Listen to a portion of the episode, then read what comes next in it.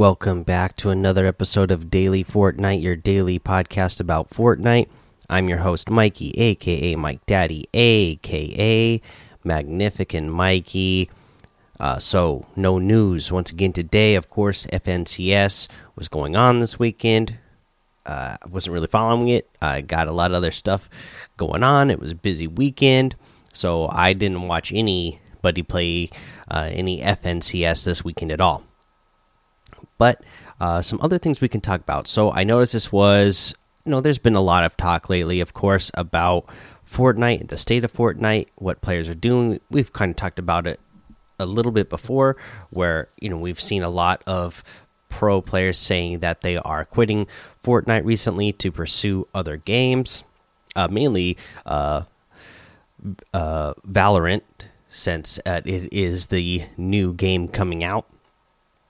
Uh, so, since there's no real news, I'd love to open it up for uh, more discussion. I'd love to know what you guys think of uh, the current situation of, you know, just a lot of people saying that Fortnite, you know, is dead or rip Fortnite or whatever the case may be. Now, I, I see I see a lot of people uh, putting that up. But then at the same time, uh, I, I, saw a lot of people saying uh, "Thank you, Epic" or "Thank you, Fortnite" uh, for people who are still loving the game or people who, uh, you know, are more rational about where they are currently and how they got there. so, yeah, I'd love to try to make some rational discussion here of, you know, where Fortnite is, how it got there, and where we want to see it go uh, going forward from here.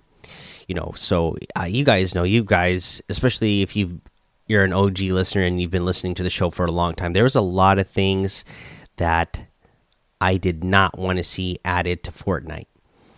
Uh, you guys know I when uh, competitive started getting serious, I wasn't a fan of a ranking system.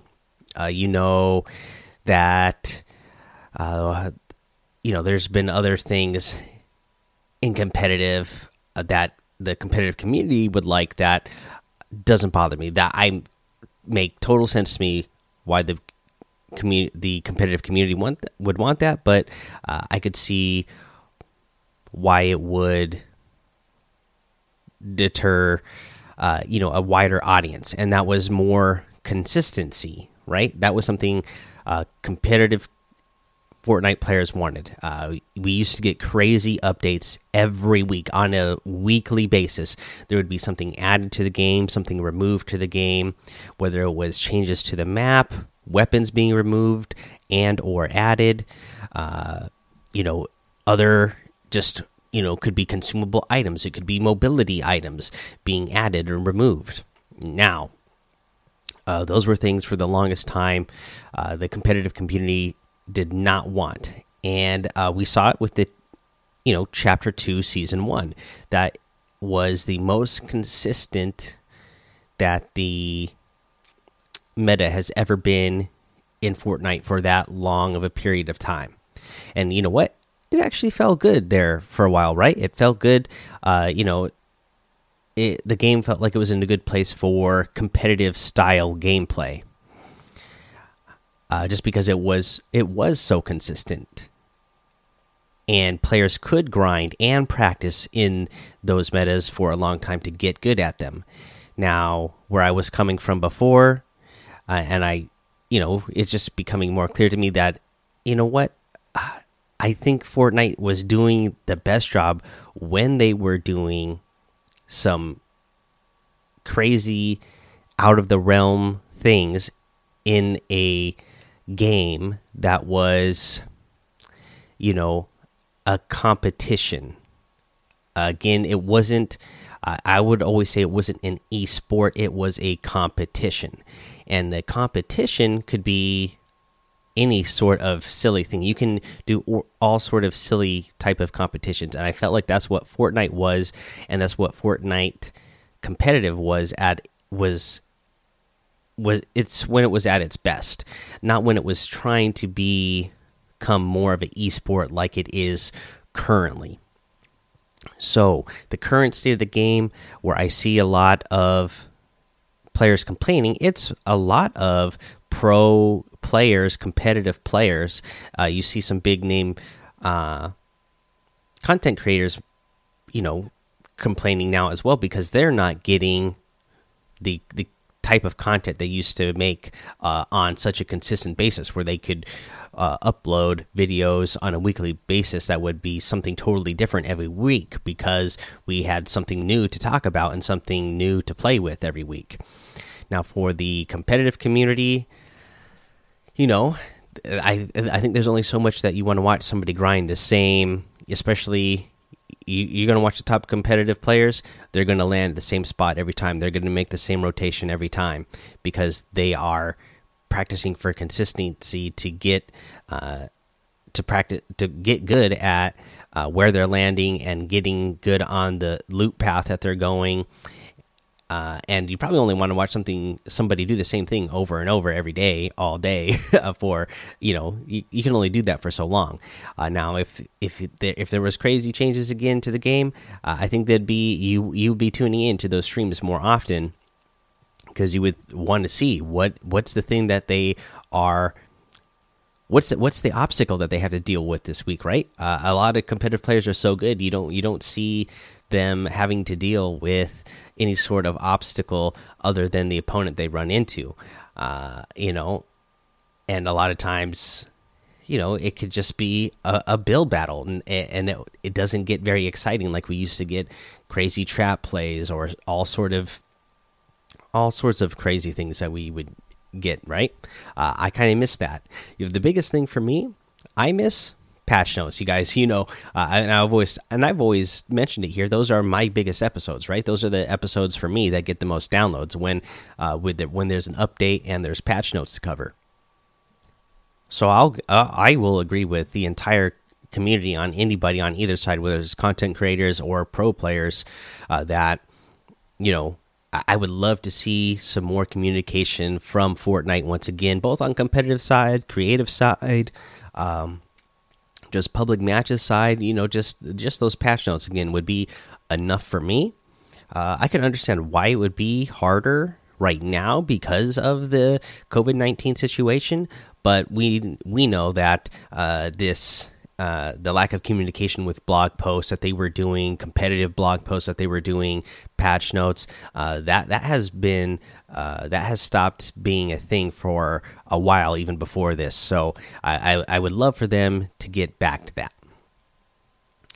Uh, you know, and then anything else going forward, uh, I think that they could do is mainly just the communication. Uh, you know, I think the game is still a great game. I'm still having a ton of fun playing. So uh, if you haven't seen me on a lot lately, my life has been busy, and I have also uh, picked up EA Access. So I've been playing a ton of Madden. I didn't pick up Madden this year until I got EA Access a couple of weeks ago. So I've been playing a ton of Madden and all the other games like Unravel, Unravel 2 that I never finished. So I've been playing a ton of games in my backlog that I've played before but never finished that now I just have uh, access to again. Uh, so I've been playing those, uh, and there for a couple of weeks I wasn't hardly playing Fortnite at all. Uh, but just the last two days I jumped back in because I need to get challenges, and I've been having I've really been having a ton of fun playing the game. Um, you know, I, I I've been able to get back in there, uh, play with some friends uh, that I haven't played with. Uh, you know, probably in the last month, hardly at all, if at all. And uh, just getting on a game with my friends is a great time. And here's a great thing that you can do in Fortnite that wasn't a thing until Fortnite came along and isn't still isn't a thing in most games, and that is I could play with my friends on Xbox, I can play with my friends on Switch, I can play with my friends on PC, all while I'm on PS4. Uh, so you know that's one of those things where you're like, thank you Epic, thank you Fortnite uh, for making that a thing. So I think you know everything is is in place for Fortnite to be strong and in a good place going forward. Uh, we just you know the main thing is communication back. I, would love to hear from Epic. What is a plan for a competitive? What what are the tournaments in the future? Not just uh, you know when a new season starts. Hey, this is what the tournament is going to be this season. I, I I think it would be great. Uh, to know seasons ahead of time, like let us know what what's happening in the next two seasons. Uh, besides just this one. So instead of the current season we're in, I would love to know next season and the season after that. That way, uh, say you know this season is duos. Uh, say that there's pro players who are really good at solos or uh, trios or squads, and one of the seasons coming forward or in the future is going to be one of those. Maybe they decide, you know what, I'm going to skip out on duos, but I'm going to keep grinding for solos because I know that's coming next season, or I'm going to keep grinding my squads or trios because that's coming next season or the season after that. That way, those players can keep grinding and know that they're what they're working on is. Uh, worth their time because they know that it's going to uh, pay off for them to have been grinding that mode uh, because they at least have an idea that it's coming sometime soon. So again, the biggest thing uh, for Epic, I think, is communication. All right, since there's no news, uh, that that's the discussion. I'd love to hear more of your guys' thoughts, what you think, uh, what Fortnite can do going forward or needs to do going forward uh, to keep the game strong. Uh, you know, when you really when you when you break it down, you look at the numbers, it's still a strong game.